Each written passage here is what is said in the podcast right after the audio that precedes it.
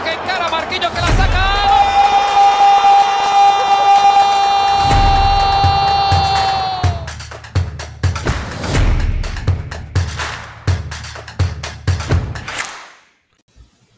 Cześć, witajcie w już jubileuszowym dziesiątym odcinku Królewskiego Podcastu. Dzisiaj jesteśmy w bardzo nietypowym, ale wciąż zaszczytnym gronie.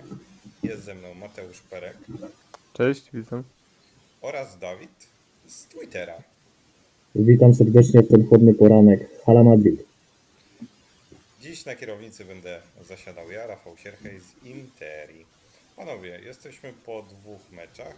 Pierwszy potraktujemy trochę po macoszemu, bo nie ma co się za bardzo rozwodzić nad spotkaniem z Las Palmas, ale spotkanie z Gironą przyniosło już bardzo dużo tematów moim zdaniem, więc zapewnimy godzinkę słuchaczom, przez którą będą mogli sobie przejść przy kawce i na pewno będzie to coś przyjemnego. Zacznijmy od spotkania z Las Palmas, żeby mieć to już za sobą. Wiem, że Mateusz nie śledziłeś zbyt uważnie tego meczu, więc nie musisz bardzo się wypowiadać w tym temacie. Myślę, że są dwie kwestie po tym meczu. Pierwsza to jest Brahim Diaz, który pokazał się z bardzo dobrej strony. I patrząc ogólnie na cały jego sezon, zbyt dużo, nie pograł, ale jak wchodził, no to miał bardzo dobre wejścia. Czy uważacie, że zasługuje na więcej minut niż dostaje? Pełna zgoda, jeżeli chodzi o Brahima. Dla mnie to jest nadal zawodnik e, nieodkryty w tym sezonie w kwestii oczywiście Realu Madryt. Z uwagi na to, że Carlo nie daje mu szans, jest traktowany bardzo po macoszemu, e, co przy dość średniej dyspozycji Rodrigo, obecnie szczególnie tej liczbowej bramki asysty, czyli tej najważniejszej statystyce, jest dla mnie błędem. Brahim powinien dostawać więcej szans, udowodnić Las Palmas, że jest zawodnikiem aktywnym, chce grać, pokazuje się, próbuje, nie zraża się mimo tych dryblingów, które niekoniecznie zawsze wychodzą, e, to nie boi się wchodzić w kolejne dryblingi, podejmuje te decyzje, co jest też ważne, on się nie spala, tak? Po prostu nie ma nic do stracenia tak naprawdę. E, Przyszedł w roli rezerwowego, on ma tego świadomość, tak uważam, i chce po prostu wiele udowodnić. Możemy mieć z niego dużo dobrego, trzeba tylko odrobinę mu zaufać i dać troszeczkę więcej niż wejście w 85-89 minucie, co, co zobaczyliśmy właśnie w meczu z Las Palmas. No takie jest moje zdanie na temat. Ja też właśnie uważam, że, że powinien tych szans dostawać więcej. Że dużo osób porównuje że to taki trochę Asensio V2, że przyszedł tak naprawdę tego, taki sam zawodnik jak Asensio, ale według mnie sam wiek i styl gry trochę go odróżnia od Marco. I no tak jak ja, ja meczu z Las Palmas niestety nie miałem okazji oglądać, ale widziałem trochę skrótów i bardzo mi się podobało wejście Brahima. Nie odstawał on zawodników, którzy od samego początku byli na boisku. I nawet w poprzednich meczach, kiedy też chodził z ławki, wyglądał, wnosił bardzo wiele świeżości na boisko. Według mnie nawet myślę, że ma okazję i powinien dostać szansę w, w jakimś meczu od pierwszej minuty, bo nie jest to zawodnik, który wchodzi, bo nie mamy nikogo więcej na ławce, tylko rzeczywiście ma coś do dania na, na boisku. Może z Napoli właśnie, tym bardziej, że on to Napoli w ubiegłym sezonie w tej rundzie wiosennej no dość, dość skrzywdził. Z tego co pamiętam, tam chyba była bramka, chyba była asysta. Mówimy tu o tym meczu przegranym przez Neapolitańczyków yy, 4-0, czy tam 0-4, bo chyba Napoli było gospodarzem. Tak, tak, no No. był taki mecz. Można by mu tutaj dać szansę. Fajnie porównałeś go do, do Asensio, brakuje tylko tej lewej nogi aż tak ukształtowanej, ale faktycznie chłopak robi wiatr. Yy, No tak jak wspominałem wcześniej, w obecnej dyspozycji Rodrigo naprawdę powinniśmy troszeczkę więcej z niego korzystać, nawet powiedziałbym w takiej w takim przełożeniu 50 na 50, 50% Rodrigo, 50% yy, Brahim Diaz. No ale wiemy jak to wygląda z naszym kochanym Carletto. Jeżeli on jakiemuś zawodnikowi nie do końca ufa, to bardzo, bardzo ciężko, żeby się do niego przekonał. Myślicie, że powinien grać na dziesiątce, czy raczej w roli Viniciusa Rodrigo y, Joselu jako jeden z tych dwóch atakujących? Bo myślę, że nie spodziewamy się zmiany systemu w najbliższym czasie. Mi się wydaje, że lepiej powinien grać z przodu, właśnie na zastępstwo jakby Rodrigo Winiego, czy tam na rotację, bo no jakby myślę, do tych pole jest zbyt mocno obsadzony na tej dziesiątce może zagrać jak naprawdę Bellingham, może zagrać czasami Modric, nawet Ceballos, co w mojej ocenie też powinien więcej grać, ale to już in, osobna kwestia. Ale jeśli chodzi o Brahima, no to, to raczej tam, gdzie Vini, gdzie Rodrigo i Joselu. Ja myślę, że jesteśmy troszeczkę ofiarą e, ilości pomocników e, w naszej kadrze. Jest dużo pomocników, dużo klasowych, światowych, o światowych umiejętnościach, więc dlatego musimy grać tym diamentem. Według Carlo pewnie też jest jakaś lekka presja ze strony zarządu, no, że taki zawodnik jak Bellingham, on musi grać większość, musi grać praktycznie wszystko. To jest gwiazda ligi, co udowadnia, wszedł z drzwiami, z drzwiami z futryną do Ligi Hiszpańskiej. E, Więc ciężko będzie, żebyśmy zobaczyli Brahima stricte jako tego prawo skrzydłowego, bo to 4-3-3, no coś nie, nie chce, nie chce Carlo znowu zaufać temu systemowi, a szkoda, bo byłoby to z korzyścią dla Realu, z korzyścią dla Brahima e, i też potencjał ofensywny dużo, dużo większy. Las Palmas. Drugim z y, tematu był Ferran Mendy, który wrócił do jedenastki po bardzo długim czasie oczekiwania. Czy to jest piłkarz, na którego czekaliście, czy czekacie raczej na jego sprzedaż obecnie? Mm, Ja osobiście czekałem na jego powrót, bo byłem ciekawy, czy jest w stanie jeszcze coś dać Realowi, czy, czy może po tej kontuzji, jak, jak to w Polsce jest, coś mu się przestawiło w głowie. No ale póki co nie widać tego zbyt bardzo. Myślę, że na ten moment jest to piłkarz na sprzedaż. Wczoraj też to udowodnił Kamavinga, jak dużo lepszym piłkarzem jest na pozycji lewego obrońcy. I myślę, że w meczach na, na rywali wyższej półki, jak Atletico czy niedługo Napoli, no to właśnie Eduardo powinien występować na tej lewej pozycji, na lewej e, obronie, niż Mendy, który do rotacji może jest ok, choć i tak uważam, że, że powinniśmy go sprzedać, aby to Frank Gar- Garcia miał więcej e, szans na występy. Bo trzech lewych obrońców to już jest chyba trochę za dużo w klubie.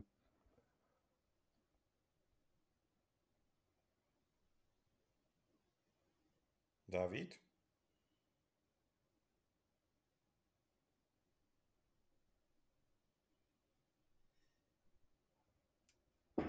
Aha. Zacznę. W kwestii Mendiego, czy czekałem na sprzedaż, czy powrót.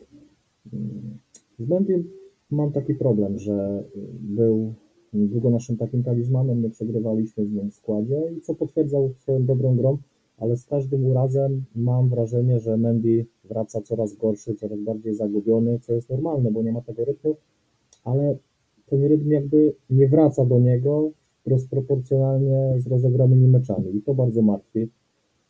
Mieliśmy bardzo ładny występ Kamavingi wczoraj, yy, za wyjątkiem tego mm, błędu na początku meczu, gdzie Cyganko, z tego co pamiętam, uderzył w słupek, tam zgubił krycie Kamavinga zupełnie. Dał się wyprzedzić w taki dość szkolny sposób, ale poza tym rewelacyjny występ Kamy. Fantastycznie wyłączył Savinio w drugiej połowie, gdzie Savinio to jest jeden z lepszych skrzydłowych ligi yy, na otwarcie tego sezonu, co potwierdza w liczbach. Yy, Mamy też Frana Garcia, w którego bardzo wierzę. To jest obrońca na wskroś ofensywny, w mojej ocenie, wręcz taki wahadłowy. Brakuje mu w obronie yy, pewnych kwestii.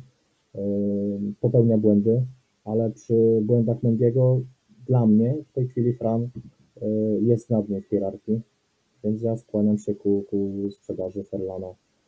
Niestety, niestety. Tym bardziej, że pojawia się jakaś opcja, jakieś plotki coraz częstsze, coraz głośniejsze na temat yy, Fonziego, Davisa z Bayernu, więc Mendy out.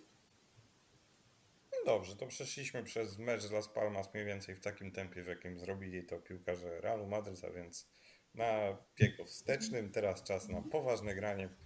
Porozmawiajmy sobie o meczu z Gironą, który na pewno był zdecydowanie trudniejszy, zdecydowanie lepszy z naszej strony. Pod każdym względem generalnie trudno to spotkanie e, krytykować poza ostatnimi pięcioma minutami. Jakieś wasze ogólne wnioski? Czy jesteście zadowoleni z tego, jak wyglądał Real Madryt w tym meczu? I przede wszystkim, moim zdaniem, trzeba cieszyć się z tego, jak potrafiliśmy wychodzić z tych trudnych początków.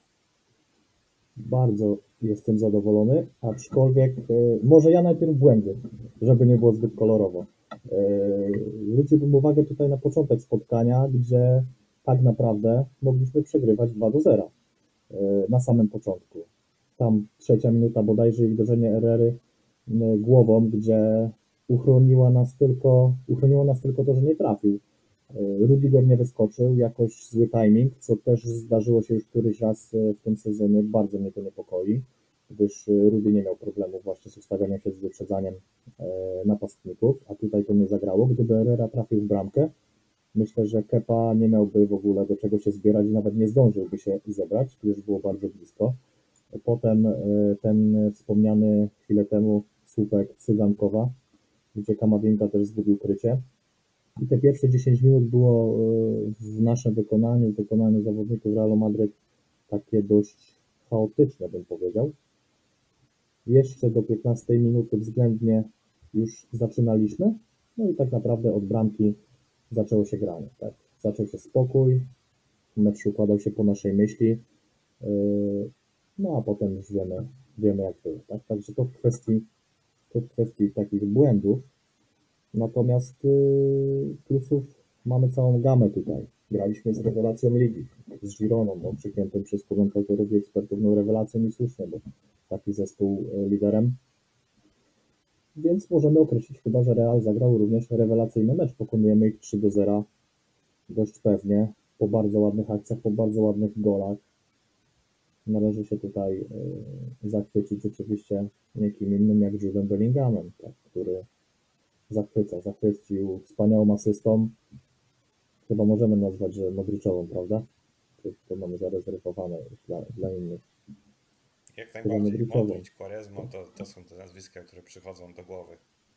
Tak, w kwestii e, Realu, jesteśmy kibicami Realu, więc nazwijmy to Modricową asystą, ten zewniak piękny i tutaj super Hoselu też poszedł do tej główki, nie pierwszy raz Hoselu naprawdę e, jest zawodnikiem aktywnym, szuka, e, wychodzi na te pozycje, szuka tych główek. I to jest jego ogromną zaletą, tak, on dochodzi do tych sytuacji, gdzieś tam kiedyś nawet pisaliśmy coś na Twitterze na temat e, Hoselu, że ma tych sytuacji sporo, sporo też nie wykorzystuje, ale mamy cztery gole, tak, są dwie asysty. Yy, Dla mnie spełnia swoje zadanie w 100, a nawet w 200%. Tak? Daje ważne gole, po to został sprowadzony, po to został wypożyczony i, i naprawdę daje, daje tutaj to, co powinien, robi robotę. Mamy tego napastnika, jakiego mamy, cieszymy się, są te cztery gole, są dwie asysty i do przodu. Mm, Jeśli chodzi o mnie w kontekście meczu z Gironą, to ja uważam trochę, że wynik nie oddaje do końca przebiegu meczu. W sensie początek zdecydowanie był pod dyktando Girony. Później udało nam się strzelić te dwie szybko bramki po sobie, jedna po drugiej. I to trochę przygasiło Gironę, aczkolwiek i tak nie było to, nie była to drużyna, która już kompletnie nie sprawiała nam zagrożenia. Według mnie, gdybyśmy nie strzelili tej drugiej bramki to Girona trochę bardziej by przycisnęła i nie byłoby aż tak kolorowo. Bramka Bellingama już na 3-0 totalnie wydaje mi się, że przygasła Gironę, ale, ale myślę, że wynik 3-0 aż tak do końca nie oddaje przebiegu meczu i nie powinniśmy deprecjonować występu Girony, bo nawet mimo sytua- trudnej sytuacji, jeśli chodzi o wynik, to byli w stanie sprawić nam zagrożenie i Kepa kilka razy uratował nam tyłek, pokazując swoją świetną grę na linii. Więc... Więc w drugiej połowie, tak? Po tym rzucie, po tym rzucie wolnym. tak, w drugiej połowie, choć też było kilka sytuacji, gdzie nawet y, kilka razy fajnie wyszedł do piłki z dośrodkowania. No, Jak wydaje, on. Wydaje mi się, że, że nie było to, że, że, że- prowadzenie 2-0 nie było aż tak bezpieczne, jak mogłoby się nam wydawać.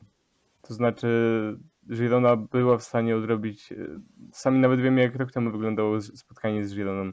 Wtedy akurat fenomenalny Castellanos, ale wydawało mi się w pewnym momencie, że Girona jest w stanie odrobić te dwu- dwubramkowe prowadzenie, choć trafienie Bellingama już trochę mnie bardziej uspokoiło.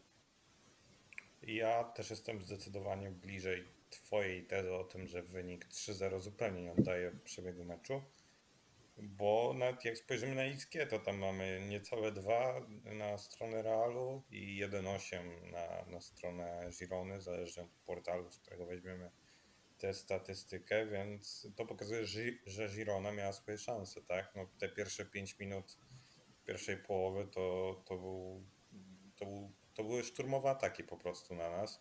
Najpierw y, niecelny strzał Erery, potem Cygankow trafił w słupek. I mam wrażenie, że właśnie te dwie sytuacje trochę obudziły, obudziły naszych chłopaków i udało się trochę przejąć kontrolę nad meczem, choć wciąż nie była to taka kontrola, jakiej się spodziewałem, bo myślałem, że będziemy raczej posiadać piłkę, aniżeli ją oddamy, a tutaj jednak postawiliśmy na to, że Girona y, klepie sobie piłeczkę, a my wysokim pressingiem, z naszą y, młodą linią pomocy i Tonim Crossem mogliśmy sobie spokojnie na to pozwolić. To samo było tak naprawdę w drugiej połowie, bo też y, weszli na nas mocno i musieliśmy odpierać te ataki. Tak jak powiedzieliście, Kepa nawet y, pokazał się na linii, to można było się spodziewać, ale on się pokazał przy wyjściu do dośrodkowań. I to jest, proszę Państwa, szokujący fakt, że Kepa wyszedł do wrzutki i, i zrobił to dobrze. Czytał Keepera i nasze narzekania, że, że stoi przy spawaniu. Tak, przeczytał ewidentnie i, i to było widać. Mam nadzieję, że to będzie jakiś stały trend i że on nie będzie się bał wychodzić do tych wyrzutek, no bo ma prawie 1,90 m, a nie 1,70 m, żeby bać się wychodzić do wrzutek. Też musimy, że tak powiem, trochę no, bardziej ostro w tym temacie do niego podchodzić, bo myślę, że z Thibaut Courtois zupełnie inaczej wy- wyglądałaby nawet tak raz z Gironą, te wrzutki myślę, że Thibaut niektóre mógłby złapać czy wypiąstkować. Przejdźmy, mówiliśmy y, o Bellinghamie, mówiliśmy o Hoselu, więc y, czas wybrać MVP tego spotkania. Najlepszego piłkarza, najbardziej wartościowego, tego, który najbardziej rzucił się Wam w oczy. E, Według społeczności naszego Twittera, tym MVP został Aurelien Chouameni. I czy z taką decyzją się zgadzacie? Słusznie, zupełnie zero kontrowersji dla mnie. Taki cichy bohater i nie możemy traktować go w kategorii MVP dlatego, że strzelił gola. Chociaż ten gol też był potrzebny jemu, potrzebny nam, że nasz defensywny Pogba potrafi strzelać bramki. Także premierowe trafienie w Liga. Wreszcie mamy, fajnie zawisnął. Czy wygrał pozycję? Po prostu został zostawiony w tym polu karnym, ale strzelił już nie do obrony, fajnie po przekątnej, tutaj wszystko zagrało ale y, Aurelien był wczoraj wszędzie. Dosłownie był wszędzie. Piorunujący w destrukcji, fantastyczne odbiory y, i fajny w ofensywie, bo oprócz tej bramki, to tą, z tego co pamiętam, tą akcję bramkową na 3-0 też on rozpoczął od swojego przejęcia. On fajnie potem podał do Hoselu. On zobaczył Hoselu, no a potem już wiemy, jak to się skończyło fajnie dla nas, y, bramką na 3-0 i zupełnym uspokojeniem już w wyniku Girona nie, zosta- nie, zos- nie zostawiliśmy im już żadnych złudzeń, bo to było za późno, żeby oni się z takiego wyniku mogli podnieść. Także dla mnie MVP zupełnie słusznie y, w naszym tutaj mniemaniu, czy też użytkowników Twittera w waszej ankiecie Aurelien Chouameni, wielkie brawa, wow. Dla mnie wow, mam nadzieję, że y, powtórzę taki występ w ligomistrzowym spotkaniu w Napoli, już nie wyobrażam sobie, że mogłoby go zabraknąć w pierwszym składzie. Musi zagrać. Mm, To ja właśnie podobnie jak Dawid uważam, że, że też Chouameni i tu nawet nie ma pola do dyskusji zbytnio. I nawet mimo strzelonej bramki i tak ten wybór by u mnie został przy Francuzie.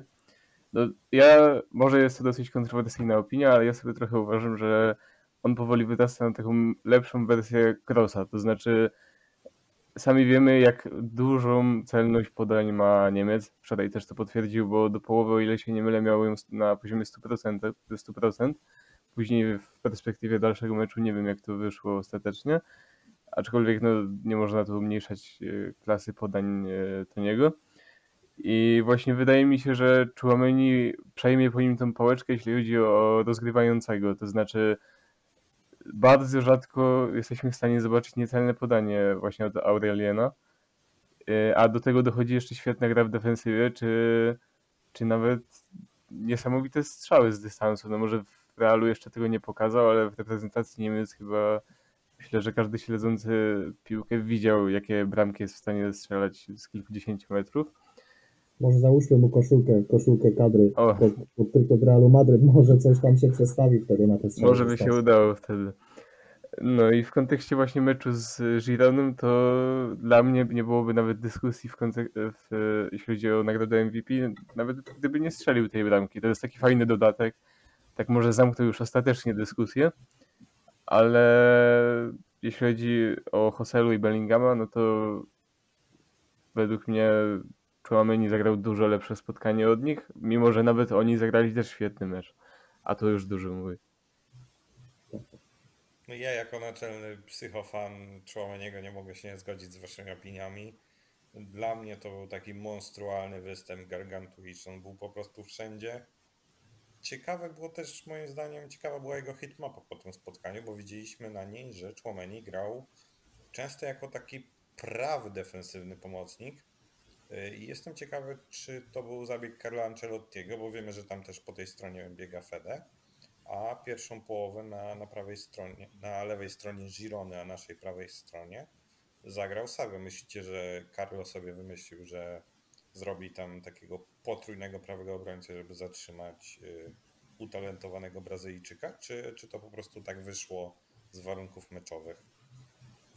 Czy tam był zamierzony zabieg e, właśnie na Savio? Nie wiem, mm, czy w tym kontekście to rozpatrywać. E, aczkolwiek dużo też było danego Carvajala na takim prawym skrzydle, mi się tak wydaje. Z tego co ja zaobserwowałem, sporo pokazywał się do przodu. Może nie było tych wrzutek dużo, ale on byś, był dość aktywny, nawet presował na połowie przeciwnika. E, w ogóle może tutaj takie 10 sekund dla Daniego Carvajala, który mimo, że wrócił po tym urazie, wrócił szybciutko, yy, krótko ta rekonwalescencja trwała, to z formą myślę, że nie spadł. Także fajnie to wygląda w kontekście meczu z Napoli i oby, oby nasz Hiszpan był tutaj już zdrowy jak najdłużej i niech nie je tego glutenu, bo jak widać wychodzi mu to na zdrowie. Fajnie, że tam ten Chouameni właśnie go asekurował, yy, bo to wszystko grało, tak? Nie było dużego zagrożenia y, właśnie z tej lewej strony. Savio został wyłączony, zupełnie wyłączony moim zdaniem. Za to ogromne oklaski dla naszej defensywy, mm, czy dla Cho, czy też dla danego Carvajala. Poradzili sobie rewelacyjnie ze znakomitym skrzydłowym. Ja też myślę, że może mógłby to być trochę zamierzony, zamierzone ustawienie przez Ancelottiego, aby właśnie Chouameni był bliżej tej strony Savio, bo tak jak powiedział Dawid, no było widać bardzo, że Carvajal wychodził do przodu, był nawet trochę, trochę się zamienił w tego wahadłowego i z tyłu zostawało wolne pole, a widzieliśmy nawet kilka razy pojedynki Savio z Rudigerem, to według mnie było one tak trochę 50 na 50. Rudiger fajnie się sprawował, nie dał się za bardzo omijać na, na jak, jak to się mówi, na, na jeden, e, nie, nie dał się pójść na jeden, e, tylko grał tak trochę bardziej zachowawczo, a Chouameni w tym mu pomagał, e, kiedy właśnie Carvajal był bardziej z przodu, więc myślę, że mógłby to być trochę zamierzony, zamierzone ustawienie, aby właśnie Chouameni był bardziej tej prawej strony. Skoro jesteśmy po, przy pozytywach, to przy nich jeszcze y, pozostajmy. Hoselu, czy wspominaliśmy trochę o, o nim już we wcześniejszym etapie, ale czy on gra tak, jak wy tego oczekiwaliście? Bo on wczoraj momentami grał jako środkowy pomocnik dodatkowy. Widziałem, że Dawid Franosz, Daniel Franosz, przepraszam, wrzucił na swojego Twittera y, średnie pozycje naszych zawodników po pierwszej połowie. No to właśnie Hoselu był tam środkowym pomocnikiem. Mieliśmy benzynę, mamy benzynę? Nie, to nie aż tak, ale fajnie, że Hoselu y, chce rozgrywać. Chce rozgrywać, y, cofa się po tą piłeczkę trochę i nie wychodzi mu to najgorzej. Nikt tego, od niego tego zapewne nie oczekuje. Y, Z perspektywy fana, przynajmniej z perspektywy mojej osoby, ja zupełnie nie oczekiwałem od niego, że to będzie zawodnik, który troszeczkę będzie nam cofał się do gry, próbował grać piłką, przytrzymać, gdzieś rozdysponować tą piłkę na boki. Myślałem, że to będzie typowy taki, nazwijmy to, dobijacz, tak? Taka dziewiątka, taki as pola karnego, który gdzieś tam będzie się poruszał w tej szesnastce i zbyt dużo poza nią nie będziemy go widzieć. A tu jest to ogromne dla mnie zdziwienie. Myślę, że wynika to z tego, że on bardzo też chce się pokazać. On bardzo się cieszy, że wrócił na Bernabeu, gdzieś tam podkreślał, że jest to klub, jego życia. E, Tu w ogóle to jest fajna historia, że wiesz, e, wypadasz, e, no trafił na mega erę na Bernabeu, na fantastycznych napastników, no nie miał prawa się, się przebić do tego składu. To spójrzmy tutaj prawdzie w oczy. Pograł może inaczej. Hoselu grał super w bardzo słabych zespołach, co też to jest duży plus dla niego, że potrafi się odnaleźć. To nie sztuka być dobrym napastnikiem e, w super zespole z fantastycznymi skrzydłowymi, gdzie masz tych okazji na mecz X, a on e, spadał ze Spaniolem, spadał e, z Alaves wcześniej i tych bramek było w lidze zawsze kilkanaście. Dlatego dla mnie to jest wielkie wow i oczekiwałem właśnie od niego tych goli w perspektywie Realu Madryt i ja nie czuję się zawiedziony. Powiedziałbym, że jest lepiej niż ktokolwiek zakładał na początku. Mm, Ja w ogóle mam takie. Ja, ja za, zawsze Benzemę najbardziej ceniłem chyba za to, że właśnie potrafi się cofać do tej pomocy, rozgrywać piłkę. E, jakby wiadomo, za, za bramki, za, za asysty to też swoją drogą, ale właśnie za, za to, że był tak uniwersalnym napastnikiem, że nie był on tylko przykle, przyklejony do linii ataku, tylko potrafił zejść niżej, pomóc w rozegraniu piłki, czy podprowadzić ją wyżej. To była chyba taka cecha, którą najbardziej u niego ceniłem. A Joselu teraz trochę pokazał, że taką cechę może przybrać tak naprawdę może nie każdy, ale dużo napastników w koszulce Real Madryt. I nie mam tu na myśli, żeby w jakimś stopniu umniejszać e, dorobku Karimowi, e, Karima, bo to byłoby chyba nierozważne. Bardziej mi chodzi o to, że nie zawsze jak oglądałem Espanyol, to nie spodziewał mi się, że Joselu może być właśnie aż tak przydatny w środku pola. A teraz w Realu to udowadnia, że też potrafi przejąć trochę tę rolę, którą pełnił w Madrycie Benzema. I nawet same liczby to pokazują, bo w całym poprzednim sezonie w Espaniolu miał dwie asysty i teraz na początku sezonu ale też już ma te dwie asysty. Wiadomo, partnerzy trochę innej klasy, łatwiej nabić tę tę statystykę bramkową. E, Ale i tak to pokazuje, że, że poprawił, mo- może nawet nie poprawił się w kwestii rozgrywania piłki, a po prostu w Madrycie ma większe pole do tego popisu, ponieważ e, często widać wymianę pozycji z Bellinghamem, który nominalnie jest tą dziesiątką, ale często właśnie wychodzi na tą ostatnią linię ofensywy, a Joselu schodzi niżej, a Joselu bądź Vini czy Rodrigo, zależy kto jest wtedy tym partnerem w ataku, schodzą niżej. Więc dla mnie jest to trochę zaskoczenie, że Joselu potrafi tak dobrze grać e, w linii pomocy bądź na tej pozycji dzie- dziesiątki e, bliżej ofensywy, ale powoli zastanawiam się, czy to po prostu tak nie będzie wyglądać rola jakiegokolwiek napastnika, który przyszedłby do Madrytu, że jest w stanie on rozwinąć swoje inne atuty niż tylko dobijanie piłek i strzelanie bramek. No jest ta wyjątkowa chemia między nim a Bellinghamem. Nawet y, ta asysta wczorajsza Hoselu do Anglika, y, która była wynikiem oczywiście jego nieudanej próby jako pierwszy, bo tą bramkarz obronił, ale ta asysta, mówiąc kolokwialnie, nie była na pałę, bo tam widać, że on spojrzał do tyłu, widział, że Bellingham nabiega, fajnie odegrał tą piłkę, a co zrobił Anglik i w jaki sposób to zrobił, no to wszyscy widzieliśmy. Także tu też Hoselu taką inteligencją boiskową na ogromny plus. Dla mnie na pewno Joselu jest y, największym zaskoczeniem początku sezonu w Realu, bo spodziewałem się raczej Kołka, który będzie stał w polu karnym i czekał aż mu piłkę na, na łeb wrzucimy. A Ja tak samo zupełnie. on pokazuje zupełnie inne cechy. Nie spodziewałem się, że będzie tak pracował w defensywie. Więc myślę, że tutaj trzeba czekać i patrzeć na to, jak on się rozwinie, bo jeśli on będzie się rozwijał w tę w tę stronę, to jeszcze może się okazać, że go wykupimy i nie będzie transferu napastnika za rok. Co nie wiem, czy to było dobre, czy złe. Nie, nie strasz, nie strasz naprawdę. Może zadajmy sobie pytanie, ile bramek Hoselu w La Liga w tym sezonie? Patrząc na to, że już ma 4, to ja myślę, że spokojnie może do 15 dobić. Też tak uważam. Choć nawet jeśli dobiłby do 20, to uważam, że wtedy może warto go wykupić, ale na pewno nie do roli pierwszego napastnika. No nie oszukujmy się, na rynku jest dużo więcej lepszych napastników w lepszym wieku, którzy są w stanie nam dać jakoś na najbliższe minimum 5 lat, a boję się, że Hoselu to ten sezon, może następny i Raczej już na taką jakość będzie ciężko liczyć, choć niektóre przykłady, jak będziemy pokazywały inaczej. Prawdopodobnie tak będzie, że on właśnie zostanie wykupiony jako ten zawodnik rezerwowy.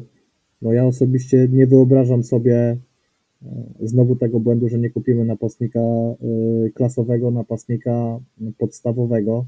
Oczywiście krzywdzimy troszeczkę Hoselu, że nie nazywamy go napastnikiem klasowym, bo on jest w czubie strzelców La Liga, co można powiedzieć, że czyni go tym napastnikiem. Ale nie wyobrażam sobie, że nie będzie to tak jak wspomnieliście, zawodnik młody, zawodnik stopki, no bo to jest Real Madryt, panowie, i tutaj gra się o najwyższe cele, yy, o trofea. Musimy mieć napastnika stopu. Wszyscy się domyślamy, być może kto przyjdzie za darmo, ale chyba nie mówmy tego na głos, bo mówimy to co roku. Jest jak jest. Lepiej się miło zaskoczyć, chociaż o zaskoczeniu tutaj nie będzie chyba mowy w kwestii przyjścia tego, tego pana. Ja wiem, kto na pewno przyjdzie, bo jest zaklepany, zaklepany Endrick, którego witamy od lata w Realu Madryt, ale jeszcze spójrzmy na tych, którzy są u nas w drużynie. Warto pochylić się myślę nad występem Eduardo Camavingi, który był podobnie jak Chouameniego mm, bardzo dobry, nawet można powiedzieć wybitny, jeśli chodzi o tą lewą stronę. Profil trójkolorowa piłka na swoim Twitterze wrzucił takie wideo braci Chouamavinga, gdzie obaj grają na, na fortepianie, czy tam na pianinie, ja się nie znam za bardzo na tym. I, I to jest moim zdaniem najlepsze podsumowanie y, tego występu. Czy uważacie, że Kamavinga jest lepszym lewym obrońcą niż środkowym pomocnikiem? Bo moja teza jest taka, że, że tak. Czy jest lepszym środkowym, czy jest lepszym lewym obrońcą? No w perspektywie tych spotkań, które już za nami, możemy powiedzieć, że tak. Ponieważ w tym środku pola Kamawindze zdarzają się takie chwile dezorientacji, dekoncentracji i takie błędy, które w skutkach mogą być różne, tak? Jednak na tej lewej stronie mam wrażenie, że on jest bardziej skupiony, wie, że nie może tych błędów popełnić, bo jest takim ostatnim bastionem, jak już tutaj zmoczy, to nie bardzo ma kto ratować, fajnie się skupia, y, gra fantastycznie w odbiorze, wczoraj tych odbiorów zanotował y, bodajże 9, jeżeli się pomyliłem, to mnie poprawcie, Y, wyglądało to imponująco, zupełnie już zamknął Savinio, który szukał swojej szansy na prawej flance, po tym jak dość słabo mu szło z Chouamenim i, i z Carvajalem. Y, Kamavinga zamknął go zupełnie, nie dał mu pograć, więc rewelacja. No i co czyni Kamavingę fajnym bocznym obrońcą? Myślę, że jego warunki fizyczne. Jest bardzo szybki, jest bardzo silny, jest bardzo zwrotny. Ym, Taki nowoczesny, taki nowoczesny lewy obrońca. Fajne jest to, że on szuka zejścia też do środka czasem, łamie troszkę te schematy. Mało jest mi w Kamawinze stricte grania do końca tą lewą stroną i tych prób dośrodkowania. Troszeczkę jest mi tego mało. Myślę, że mm, powinni na to w Madrycie zwrócić uwagę, tym bardziej y, w perspektywie tutaj wymiany z Viniciusem tej gry gdzieś tam na mały kontakt i potem y, wyjście do końca i dośrodkowanie na Hoselu, bo na Hoselu trzeba grać, wiemy, że on potrafi grać głową, więc musimy szukać tych dośrodkowań, co doskonale wie Fran Garcia, mu nie wychodzi pięć dośrodkowań, ale wejdą mu dwa i mamy dwie asysty, tak jak mieliśmy to parę tygodni temu. Mm, Ja uważam, że przy obecnym stanie naszej kadry to Kamavinga zdecydowanie powinien grać jako titular na lewej obronie, bo w chwili obecnej nie mamy tam lepszego zawodnika, który w jednym momencie byłby tak świetny w grze defensywnej i mógłby dawać tak dużo z przodu. E, Jak wiadomo, Frank Garcia w ofensywie no to chyba jest jednym z czołowych e, obroń lewych obrońców ligi, ale z tyłu zdarzają mu się błędy i nie jest aż tak pewny jak, e, jak Francuz. Więc w obecnej chwili, na obecny sezon, na mecze klasy premium, jak Atletico Barcelona czy, czy niektóre spotkania w Lidze Mistrzów, to właśnie Kamavinga powinien występ, występować na lewej flance defensywy. Aczkolwiek mam nadzieję i uważam, że lewy obrońca stopu, jak właśnie Alfonso Davis, powinien zostać ściągnięty, a nie powinno się przydzielać do tej roli na stałe Eduardo ponieważ jego potencjał gry w e, środku pola jest niesamowity. No, dalej ma tam dużo do poprawy, ale jeśli poprawiłby błędy, które popełnia dotychczas, czyli trochę zbyt non- nonszalancka gra, czasami zbyt y, niepotrzebne wejście dribbling, to gdyby udało mi się poprawić te aspekty i grać e, trochę bardziej zachowawczo, trochę bardziej mądrze, ale jednocześnie nie tracąc to, co ma najlepsze, czyli e, czasami podejmowanie ryzyka, które okaże się skuteczne, to będzie to zdecydowanie czołowy defensywny pomocnik, bądź nawet pomocnik box to box, bo w takiej roli też bym go widział, ponieważ z przodu też pokazał, że, że ma atuty, aby przydać się w akcjach ofensywnych.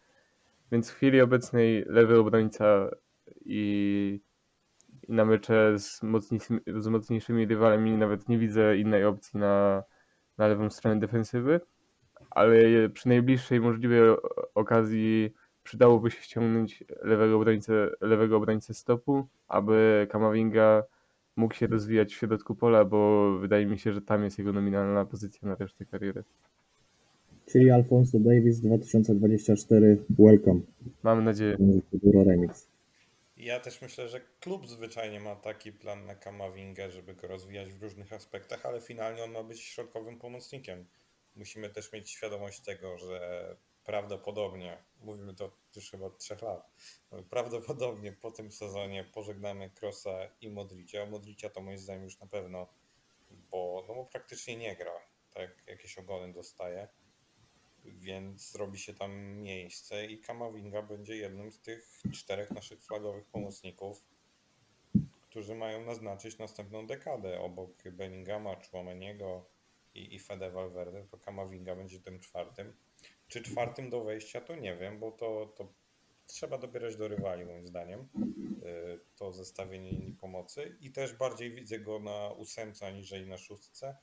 Moim zdaniem ustawianie go na szóstce to jest bardzo duże marnotrawstwo potencjału ofensywnego, który on ma prowadząc piłkę do przodu, bo on potrafi zdobywać tą przestrzeń z piłką przy nodze w tempie naprawdę błyskawicznym.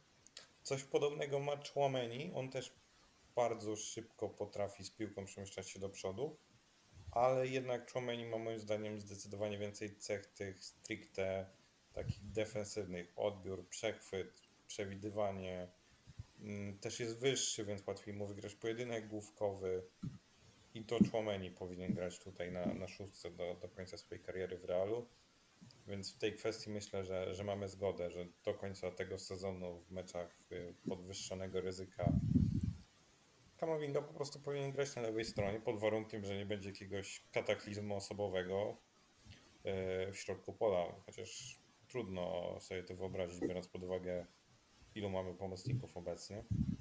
Chyba najmniej nam to grozi i tak jak nas powiedziałeś, musiałby stać się kataklizm, bo mamy jeszcze Nikopaza, którego też możemy gdzieś tam troszeczkę w tym środku poszukać, dać mu szansę. Choć na takie dziesiątce, coś takiego, nie? Ja mam nadzieję, że nasi młodzi dostaną niebawem szansę, bo no, oglądam trochę tych meczów, skrótów e, z Castilla i mi się kilku z nich podoba. Nie rozumiem, w czym Lukas Vazquez jest na przykład lepszy od Viniciusa Tobiasza, poza tym, że strzelił karnego w finale Ligi Mistrzów i trochę więcej wygrał. Więc I zakręcił piłkę na palcu. Pamiętaj o tym. To jest kluczowe. mam to na gifie zapisane na komputerze, to jest jeden z najbardziej e, historycznych momentów e, Lukasa Vazqueza na pewno. Ale w tym meczu z Gironą jeszcze trzeba powiedzieć, że nie wszystko było dobre. Bo z przodu grał Vinicius, no, który nie zagrał dobrego meczu. Miał dwa przebłyski, gdy w jednym driblingu przy linii końcowej włożył pięknie piłkę na woleja do Toniego Krosa. No i gdyby to był gol, to byśmy inaczej oceniali pewnie jego występ. Tak, to jest tylko kluczowe podanie, a nie asysta. Czy jesteście zaniepokojeni formą Viniciusa? Ja mam wrażenie, że on y, w sezon wszedł bardzo powoli. W tym meczu z Celtą, w którym doznał kontuzji, zaczynał się rozpędzać, bo Ancelotti zmienił mu pozycję. Grał już na swojej nominalnej, na, na lewym skrzydle, a Rodrigo stricte grał tego środkowego napastnika. I ten mecz z Gironą, Vini też patrząc na hitmapę, zagrał na lewym skrzydle. Czy jesteście zaniepokojeni tym, jak on wygląda no, na starcie sezonu, powiedzmy jeszcze? Ja bym tutaj yy, chłodził to wszystko i jakoś za bardzo się nie niepokoił. Pamiętajmy, że Wini wszedł w sezon nie na swojej pozycji właśnie, w tym diamencie, gdzie jest bardziej napastnikiem niż skrzydłowym, a on nie odnajduje się zupełnie w tej pozycji. Później ta, ten uraz y, w meczu, w meczu z Celtą, y, także teraz troszeczkę też nie grał, nie ma tego rytmu. Ja bym tutaj zaryzykował i powiem, że we wtorek zobaczymy Viniciusa, jakiego chcemy y, oglądać w tym sezonie, jakiego chcemy oglądać zawsze. Myślę, że ten mecz z Napoli będzie dla niego przełomowy, że czymś nas zaskoczy. To będzie wielki mecz, wielka arena z wielkim rywalem, a najwięksi piłkarze na świecie, a bezapelacyjnie takim piłkarzem jest Vinicius, pokaże na co go stać. Liczę na fajerwerki ze strony Winiego. Myślę, że będzie gol, może jakaś asysta, może gol i asysta, nie wiem, mam nadzieję, że, że pokaże i ja się podpisuję pod tym, że zobaczymy Viniciusa z Napoli takiego, jakiego chcemy oglądać. Mm, Ja też uważam, że nie są to jeszcze aż takie powody do wielkich obaw, aby rozważać, czy, czy Vini zaliczy słaby, czy dobry sezon. Też teraz jest, jak wiadomo, po kontuzji, to nie, mało jest piłkarzy, którzy przychodzą po, no nie jest jakiś poważny uraz, ale mimo wszystko na trochę spotkań go wykluczą, na trochę tygodni. I mało jest piłkarzy, którzy po takiej przerwie po prostu wchodzą na boisko i, i robią to, z czego są najbardziej znani, a już na pewno mało jest piłkarzy o takiej sylwetce jak Vinicius, którzy potrafią po urazie pokazać się na boisku i tak naprawdę wyglądać jakby tego urazu nie było. E, Choć mnie jedynie może co lekko obawia, to to, że Vini mógłby się trochę zrazić do, do ligi. E, To znaczy, sami wiemy, jak, jak agresywni potrafią być obrońcy w La Lidze. Girona na szczęście nie jest aż tak z tego znana i, i nawet nie patrząc na same wyniki, to według mnie takiej drużyny powinno się promować, bo widać, że one chcą grać w piłkę. Ale no wiemy, jak często faulowany jest Vini i obawiam się, może to jest pochopne myślenie, trochę pozbawione sensu, ale obawiam się, że, że Vini może się trochę bać e, tej swojej e, widowiskowej gry, tego z czego jest najbardziej znany, bo, bo wie, że mogą przyjść kolejne urazy, jeśli obrońcy rywala ogólnie w La grają tak agresywnie. No mam nadzieję, że tak nie będzie, że Vini dalej będzie czarował nas tą swoją widowiskową grą, że, że dalej będzie robił, wchodził w dribbling bez żadnego problemu. Ale z tyłu głowy mam gdzieś, że, że jeśli La Liga nie zrobi czegoś z obrońcami, to za jakiś czas Vini po prostu może bać się pokazywać to, z czego jest najbardziej znany i trochę zatraci ten, tą swoją y, jakby nie wiem, jak to, nie wiem jak to określić, no ale że po prostu zatraci te swoje największe atuty, to z czego jest najbardziej znany. Powiedziałeś tutaj y, dużo o agresji obrońców w La Liga. No, niestety w tym meczu mieliśmy przykład, y, jak odcięło styki jednemu z naszych obrońców. No i dla mnie to był, było w ogóle nie dowierzałem w to, co zobaczyłem, bo jakbym miał typować, któremu z naszych piłkarzy obecnych w 11 odetnie prąd y, w takim momencie, w jakim odcięło prąd Nacho, to właśnie kapitan Każdemu, tylko nie Nacho. ostatnim razem z Tonim Crossem w tej klasyfikacji, nawet Kepę bym chyba ustawił wyżej ni- niż yy, Nacho. No i dla mnie to jest absurdalne. Nie wiem po co zrobił taki ślizg. Lepiej było moim zdaniem puścić yy, Porto, żeby sobie pobiegł na starcie jeden na jeden z, z Kepą, niż, niż go po prostu faulować w tak brutalny, bandycki, agresywny sposób. Ile meczów, y, ilu meczów po prostu zawieszenia spodziewacie się, ilu oczekujecie? Bo to ja oczekuję. Ja jestem tego zdania, że w takiej sytuacji atakujący piłkarza, który doznał kontuzję, powinien pauzować tyle, ile będzie pauzował kontuzjowany. Znaczy wczoraj już y, można było przeczytać y, na Twitterze, AS podał, y, że będą to trzy mecze. Także w naszej perspektywie to jest Osasuna, gdzie jeszcze mamy niewiadomą ze strony Dawida Alaby, nie wiadomo czy wróci, więc to jest ogromna, ogromna strata i dysfunkcja naszej obrony, bo zostajemy tylko z Rudigerem. I teraz y, będzie układanie klocków Ancelottiego, kogo do środka, czy Mendy, czy może Chouameni, co zupełnie tego bym nie robił, bo stracimy jego cały potencjał na SPD, czy ten Marvel y, z Castilli, któremu zupełnie nie ufam, zawodnik niesprawdzony, także Nacho zrobił wielką głupotę, potem mamy Sevillę, gdzie Sevilla pokazuje w ofensywie też fantastyczną grę, Y, no i klasyk y, na Camp Nou, ale tutaj już raczej wróci, wróci Alaba, więc y, ta para nominalnych stoperów wyglądałaby prawdopodobnie będzie wyglądać Alaba Rudiger. Nacho raczej nie wygrałby tej ry- rywalizacji. A co do samego faulu, zupełnie niepotrzebne. Prowadzimy 3-0, jest minuta 93, tak? Z tego co pamiętam. A on robi to, co robi. Głupota kompletna, bandytyzm, debilizm, bo nie bójmy się tego słowa użyć.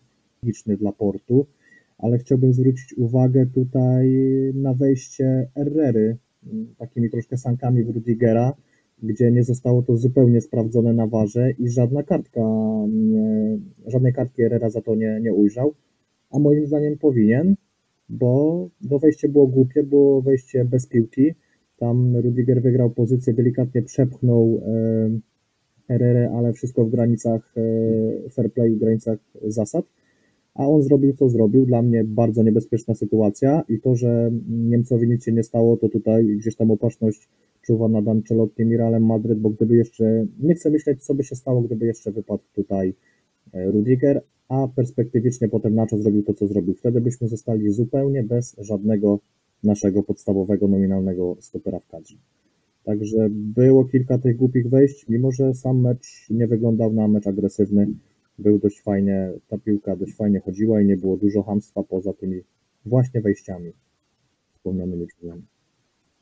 Mm, Ja też uważam, że zachowanie takie jak Nacho to należy tępić, bo to jest y, po prostu zakała piłki nożnej. To nie jest coś, co chcemy oglądać, a już szczególnie w końcówkach meczu, kiedy wynik jest rozstrzygnięty. No, jeśli w, w rzeczywistości jest tak jak w Football Managerze, że za czerwoną kartkę można uciąć piłkarzowi pensję, to ja mam nadzieję, że Carlo Ancelotti już nacisnął ten przycisk, bo to zachowanie Nacho było po prostu bezsensowne bez żadnej podstawy i nawet nie potrafię sobie uświadomić, co w danym momencie myślał Hiszpan, bo, bo tam nie było po prostu żadnej logiki. E, Jak Dawid powiedział, jest tu mowa o trzech meczach zawieszenia. Uważam, że jest to w pełni słusznie. Nawet jeśli byłoby pięć, to też nie miałbym zamiaru tego deprecjonować, bo takie zachowanie należy tępić i i trzeba pokazywać reszcie, reszcie piłkarzy y, ligi, że, że po prostu za takie wejścia są odsu- odsuwani na następne spotkania. Czasami, jak wiadomo, sędziowie albo umyślnie, albo nieumyślnie nie, nie zobaczą takich wejść, ale jeśli jest sytuacja, że można ukarać zawodnika za, za taki faul, to należy to robić i należy to robić na minimum 3, na minimum 5 spotkań, bo no w piłce nie ma po prostu miejsca na takie, na takie wślizgi, na takie zachowania. Tak, jak Dawid y, wspominał o tym faulu na Rudigerze, to ja też jak oglądałem, to byłem zdziwiony, że nie wezwali y, politosądany do, do waru, bo to był po prostu bestialski atak na kolana. Tam Nie też mówię, czerwona by aż się obroniła, jak najbardziej moim zdaniem czerwona by się obroniła w tej sytuacji. Też tak uważam, bo no, to był atak na zdrowie Rudigera, szczególnie, że on tam jeszcze biegał z tą opaską na kolanie, Mhm. więc możemy sobie wyobrazić, że każdy, każdy kontakt z jego kolanem to jest coś, co sprawia, że Carlo Ancelotti musi wyjąć kolejną gumę i, i, i, i ją wyrzuć po prostu dla, dla własnego spokoju.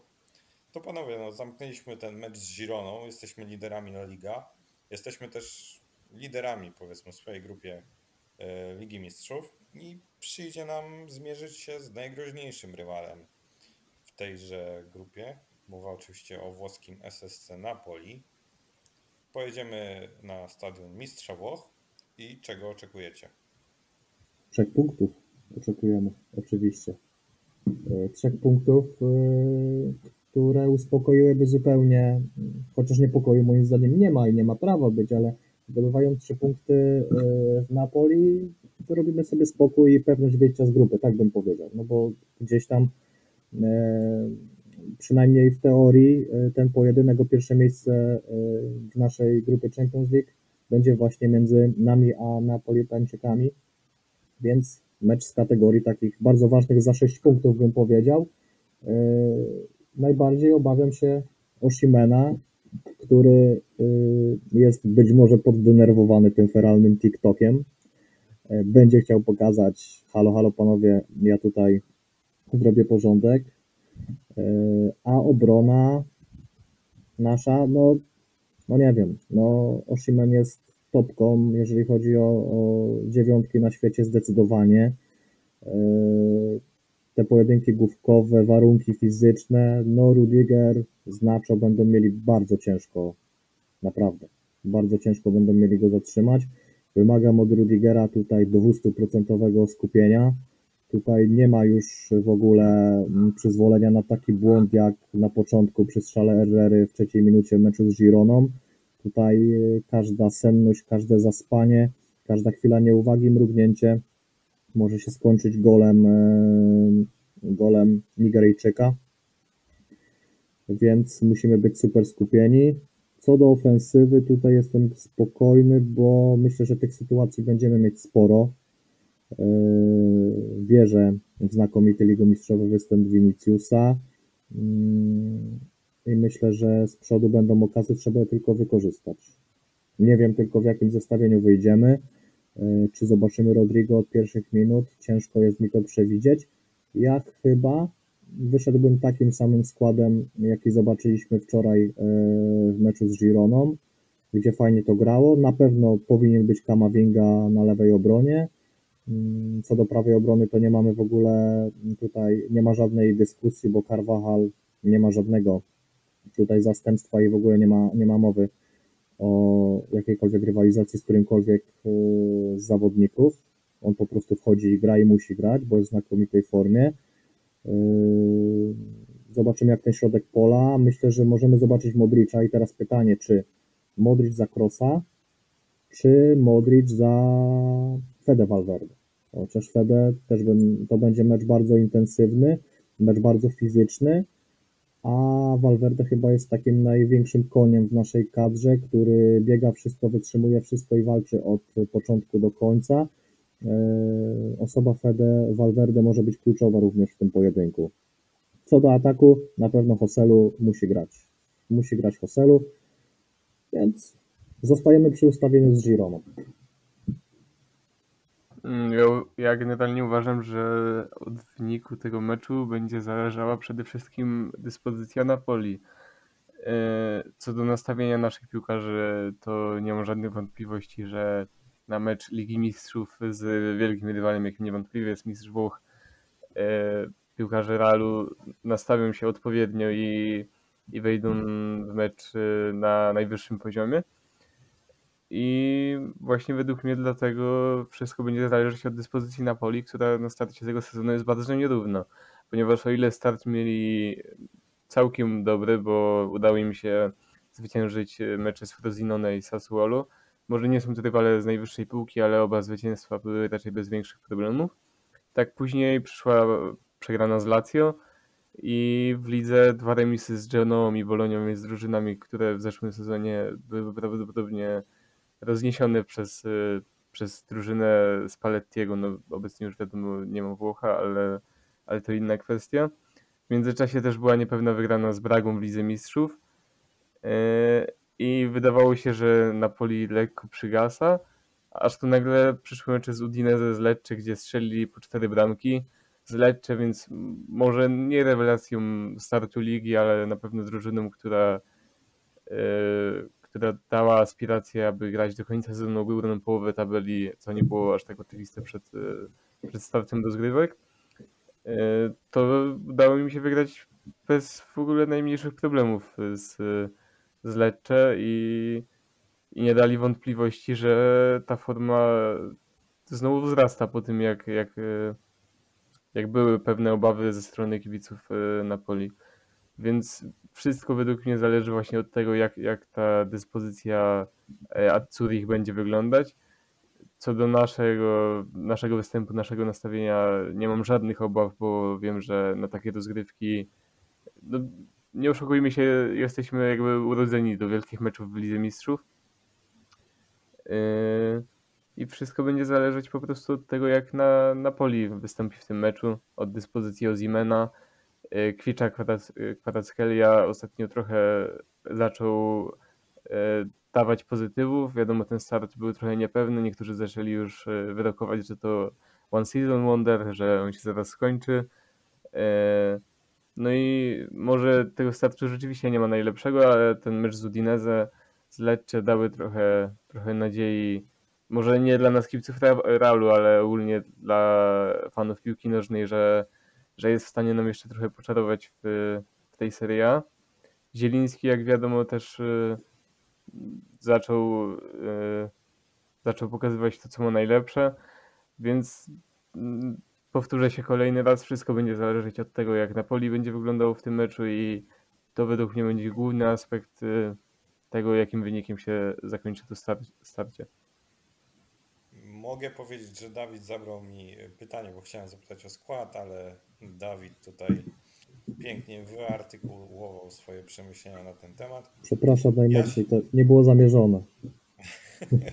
Nic się nie stało. Ja się z grubsza zgadzam.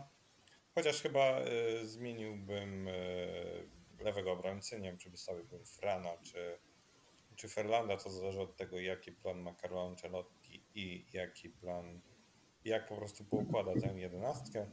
Najważniejsze jest jednak dzisiaj to, że z Katalonii, nasz pierwszy wjazd do Katalonii w tym sezonie zakończył się zdobyciem trzech punktów. Teraz czas zrobić swoje w Lidze Mistrzów, ograć Osasunę i możemy udać się na przerwę reprezentacyjną.